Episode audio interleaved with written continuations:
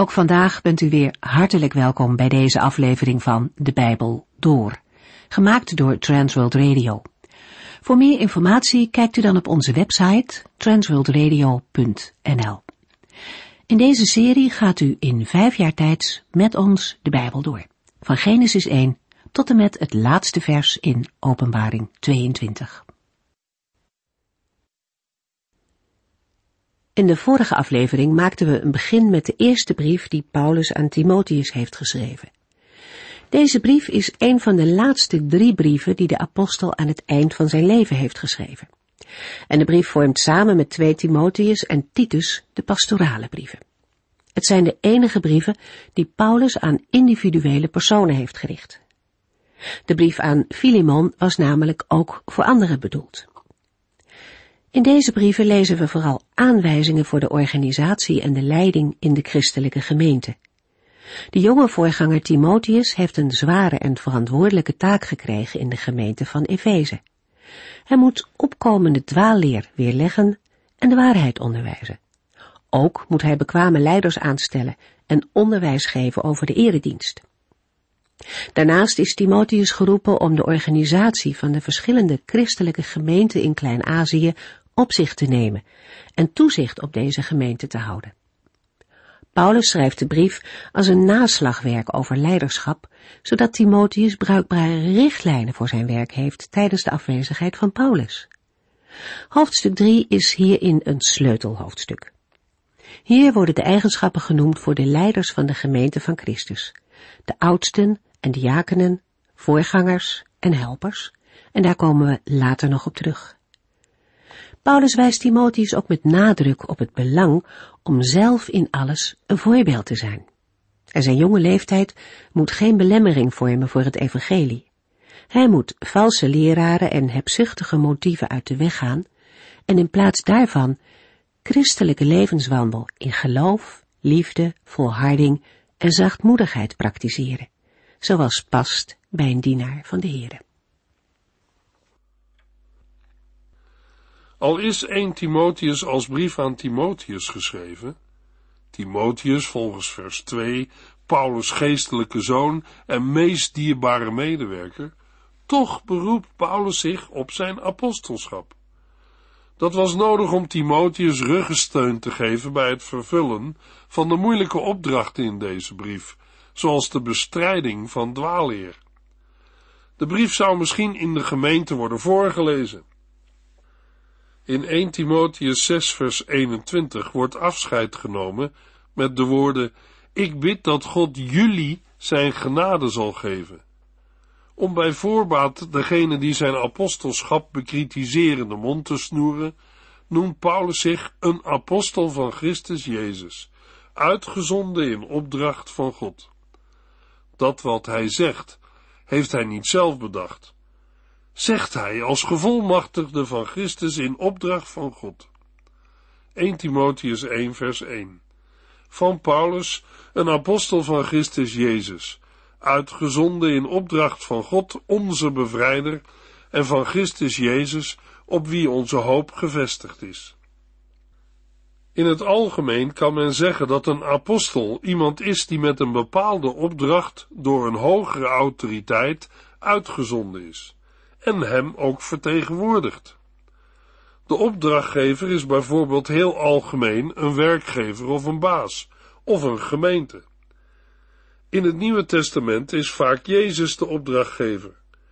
Wanneer Jezus twaalf discipelen uitkiest om zonder hem, maar met zijn autoriteit en opdracht een zendingsreis te gaan maken, worden ze apostoloi genoemd, voor zover het de zendingsreis betreft. Na hun terugkeer bij Jezus worden ze weer leerlingen genoemd. Na Jezus hemelvaart is het uitgezonden zijn voor de elf definitiever. In de aanhef van zijn brieven noemt Paulus meestal Jezus Christus als de opdrachtgever die hij vertegenwoordigt. Paulus schrijft in vers 1 dat God onze bevrijder is.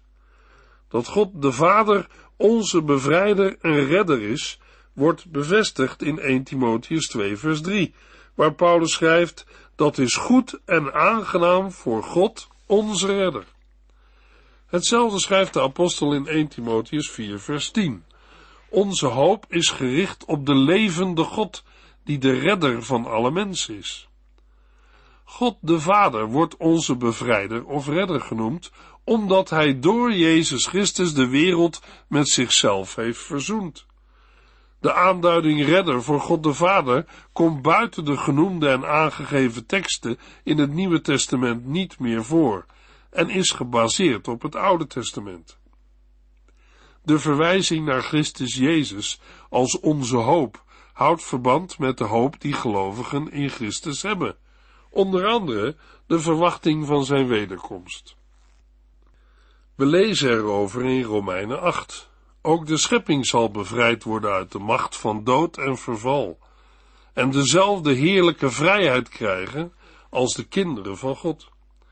Wij weten dat de hele schepping in afwachting van dat grote moment nog altijd zucht en kreunt als een vrouw die moet baren. Dat geldt ook voor ons. Wij hebben als een voorproef van het nieuwe leven de Heilige Geest ontvangen. Maar toch zuchten en verlangen ook wij naar de dag dat ons lichaam zal worden verlost van ziekte en dood. Deze verwachting is onze redding. Maar het is nog niet zo ver, anders zou het geen verwachting meer zijn. Iets dat er al is, hoef je immers niet meer te verwachten. Maar zolang het er nog niet is, blijven wij het geduldig verwachten.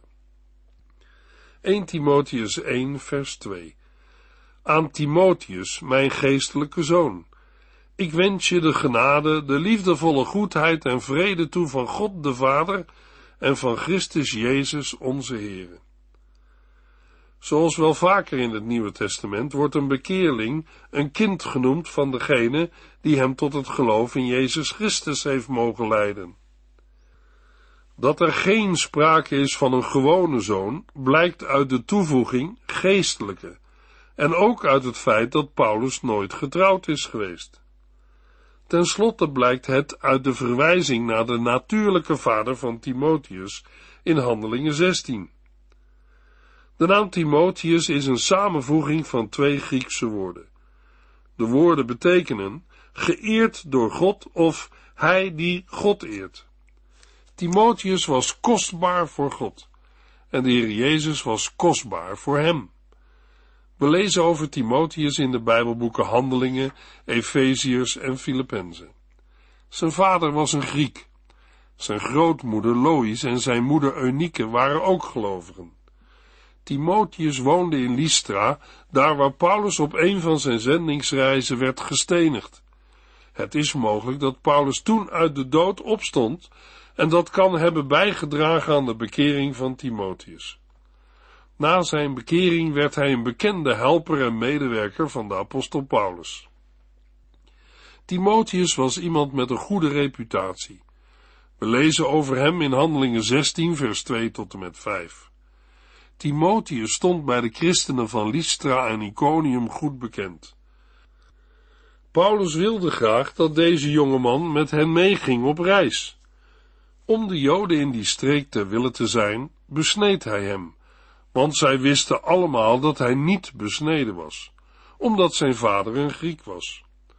Op hun rondreis langs de verschillende steden lazen zij de christenen de besluiten voor van de apostelen en leiders in Jeruzalem en zeiden er nadrukkelijk bij dat zij zich daaraan moesten houden.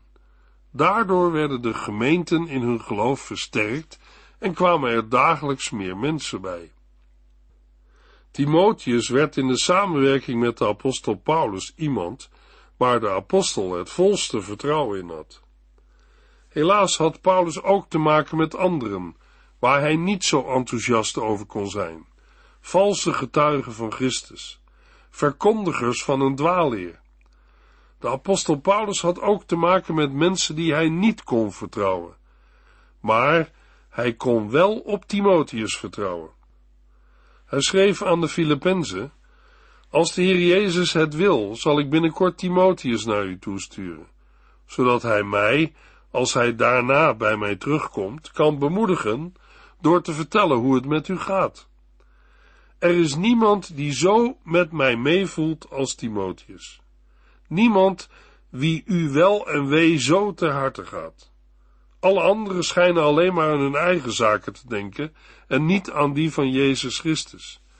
Maar u weet hoe waardevol Timotheus is.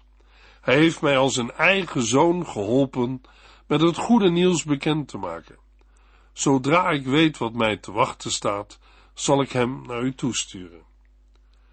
Paulus noemt Timotheus zijn eigen zoon.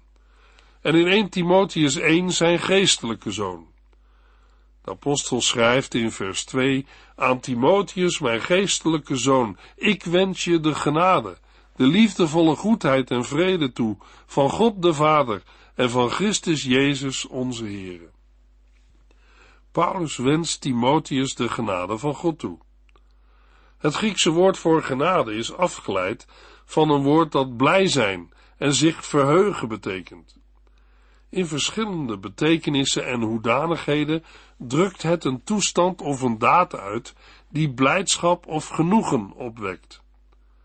Als zelfstandig naamwoord betekent het 1. schoonheid of aantrekkelijkheid, 2. genade, welgevallen of gunst, 3. dank of dankbaarheid en 4. Gunstbewijs, genadegave of liefdebetoon. In een eerste betekenis gaat het om een objectieve uiterlijke hoedanigheid of eigenschap waarmee iemand anderen benadert.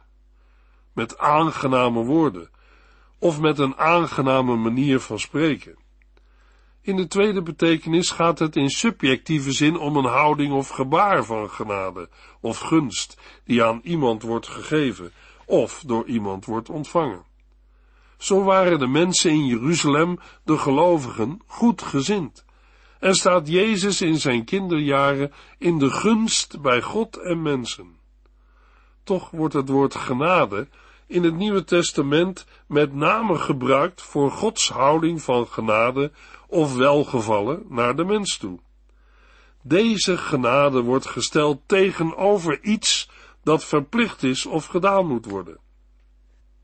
Het opvallende is dan ook dat ze onverdiend is, aangezien ze geen oorzaak vindt in de mens, maar in God zelf. Met de uitdrukking het woord van genade wordt in de Bijbel het evangelie aangeduid. In een derde betekenis gaat het om de reactie van de ontvanger, om de houding of het gebaar van dankbaarheid, die past bij ontvanger genade of een gunst. In de vierde betekenis gaat het in objectieve zin om de concrete gevolgen van de ontvangen gunst of genade. Zo kan het gaan om de staat van genade waarin de gelovigen zich bevinden, om een genadegave die ontvangen wordt, om een liefdegave die bestaat uit geld, een gunstbewijs, een beloning, geschenk of een genadegift. Paulus wenst deze geestelijke rijkdom toe aan zijn geestelijke zoon Timotheus. Hij zegt, ik wens je de genade, de liefdevolle goedheid en vrede toe van God, de Vader, en van Christus Jezus onze Heere. Luisteraar, ik wil u graag hetzelfde toewensen, de genade, de liefdevolle goedheid en vrede van God de Vader en van Christus Jezus onze Heere. Voor de woorden liefdevolle goedheid staat in andere vertalingen het woord barmhartigheid. Het wordt vooral gebruikt voor de barmhartigheid en goedheid die God de Vader in Christus aan mensen betoont. Deze barmhartigheid blijkt vooral hierin dat Gods liefde voor ons zo groot is, dat Hij ons volledig gratie heeft verleend, zelfs al waren wij door onze overtredingen dood voor Hem. Hij heeft ons samen met Christus levend gemaakt. Aan Titus schrijft Paulus waarom de Heere dat heeft gedaan. Titus 3 vers 5. Niet omdat wij het hadden verdiend, maar omdat hij met ontferming over ons bewogen was en medelijden met ons had. Hij heeft onze zonden afgewassen, ons nieuw leven gegeven en ons vernieuwd door de Heilige Geest, die hij rijkelijk over ons heeft uitgegoten. En dat allemaal om wat Jezus Christus, onze redder, heeft gedaan. Van zoveel liefdevolle goedheid en barmhartigheid wordt een mens stil, Tenminste, ik wel. Met de woorden van Petrus, uit 1 Petrus 1 vers 3 zeg ik, alle dank en eer is voor de God en Vader van onze Heer Jezus Christus, die zo onvoorstelbaar goed voor ons is. Hij heeft nieuwe mensen van ons gemaakt door Jezus Christus uit de dood terug te brengen tot het leven. De Heere openbaart zijn barmhartigheid en goedheid ook aan de enkeling, zoals Elisabeth. Aan het begin van een aantal brieven in het Nieuwe Testament komt het woord barmhartigheid of goedheid in de zegenwens van de begroeting voor, in combinatie met woorden als genade en vrede. Ook mensen behoren onderling goedheid en barmhartigheid te betonen, zoals blijkt uit een citaat uit het Oude Testament in Matthäus 9. Het is een citaat uit het Bijbelboek Hosea, hoofdstuk 6, vers 6, waar staat: Ik wil uw offers niet, ik wil uw liefde. Ik hoef uw brandoffers niet, ik wil dat u mij kent. In Matthäus past de Jezus deze woorden toe op het meeleven met andere mensen, een gedachte die door de heiland wordt uitgewerkt in de gelijkenis van de barmhartige Samaritaan. Zo horen we in de woorden en wens van de apostel aan Timotheus ook de hoofdpunten van Gods geboden doorklinken, namelijk God liefhebben boven alles en de naaste als uzelf. Na de genade en de liefdevolle goedheid volgt de vrede van God. Wanneer het om vrede gaat, zijn wij geneigd allereerst te denken aan de afwezigheid van oorlog of oneenigheid. Dat is inderdaad de grondbetekenis van het Griekse woord, en in het Nieuwe Testament wordt het inderdaad een paar maal in deze nauwere betekenis gebruikt. Maar meestal komt het voor in een betekenis die nauw aansluit bij het Hebreeuwse woord shalom. Het woord geeft in de eerste plaats een volledige of gave toestand aan en pas in de tweede plaats vrede tegenover oorlog. Dat wil niet zeggen dat in het woordgebruik van het Nieuwe Testament de tegenstelling met oorlog afwezig is. Zo gaat het soms over vrede in de gemeente tegenover vervolging. Of over vrede tussen landgenoten tegenover ruzie. En in Romeinen 5 over vrede met God tegenover vijandschap. Maar het is wel zo dat het woord vrede gebruikt wordt op een manier die er bovenuit stijgt. De sleutel tot het begrip vrede in het Nieuwe Testament vinden we vooral in Johannes 14 en Filippenzen 4. In Johannes 14 vers 27 zegt de Heer Jezus, Mijn vrede laat ik jullie na. Die vrede is heel anders dan die van de wereld. Wees dus nooit meer bang of ongerust. In Filippenzen 4, vers 6 en 7 schrijft de apostel aan de gelovigen in de stad Filippi over de vrede van God. Maak u nergens zorgen over, maar bid voor alles en vraag God wat u nodig hebt, dankbaar voor alles wat hij doet. Dan zult u de vrede van God ervaren, een vrede die ons menselijk besef te boven gaat en die de wacht houdt over uw hart en gedachten, omdat u in Christus Jezus bent. De vrede van God is heel anders dan die van de wereld. Het is een vrede die bij God hoort en van Hem afkomstig is, een vrede die alle verstand te boven gaat. Daarom wordt de Heere ook wel de God van de vrede genoemd, en wordt de Heer Jezus onze vrede genoemd. Deze vrede, die een kenmerk is van het koninkrijk van God, sluit wanorde uit en voegt samen daar waar eerst een muur van vijandschap was. Deze vrede wordt als evangelie verkondigd sinds de komst van de Heer Jezus Christus. In Efeziërs 2 vers 17 en 18 lezen we, Jezus kwam met het goede nieuws dat het vrede was, zowel voor u die ver van God was, als voor ons die dichter bij hem leefden. Door wat Jezus heeft gedaan, mogen wij, Joden en niet-Joden, vrij bij de Vader komen, in één geest. Vandaar dat het evangelie ook wel het goede nieuws van de vrede met God of het evangelie van de vrede wordt genoemd. Het woord vrede wordt zowel voor het aspect van rust en veiligheid ten opzichte van de omgeving gebruikt, als voor het aspect van onderlinge rust. En vrede in het hart. Vrede is in bijzondere zin verbonden met de Heilige Geest. In Romeinen 8, vers 6 lezen we: Het doen van uw eigen zin leidt tenslotte tot de dood. Maar de kracht van de Heilige Geest brengt ons leven en vrede. Vrede maakt ook deel uit van de negenvoudige vrucht van de geest. Gelovigen worden opgeroepen de vrede na te jagen. In Israël wensten mensen elkaar vrede toe bij een begroeting of een afscheid.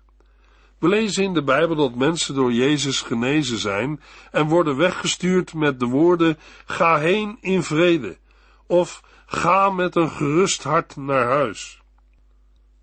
Het woord vrede krijgt in het Nieuwe Testament een grotere diepgang, die in het bijzonder aanwezig is aan het begin van vrijwel alle brieven in het Nieuwe Testament en in de openbaring aan Johannes, waar we meestal de combinatie aantreffen: Ik wens u de genade en vrede toe van God.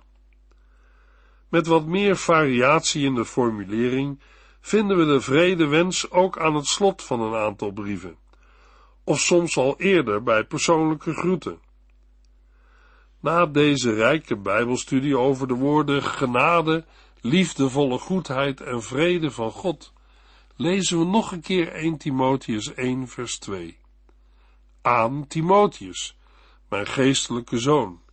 Ik wens je de genade, de liefdevolle goedheid en vrede toe van God, de Vader, en van Christus Jezus, onze Heer.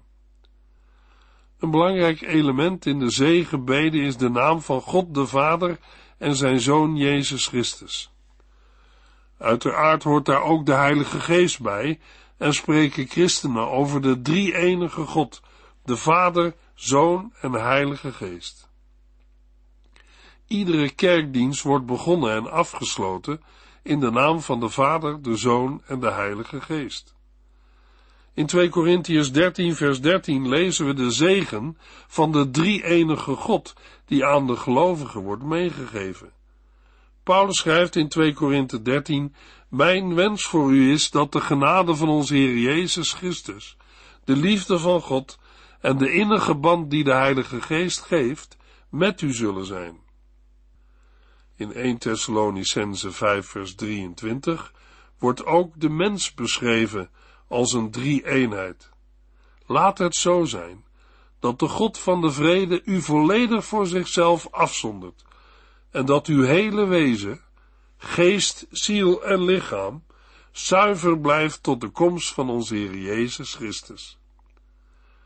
Paulus wenst Timotheus de genade de liefdevolle goedheid en vrede toe van God de Vader en van Jezus Christus onze Heere.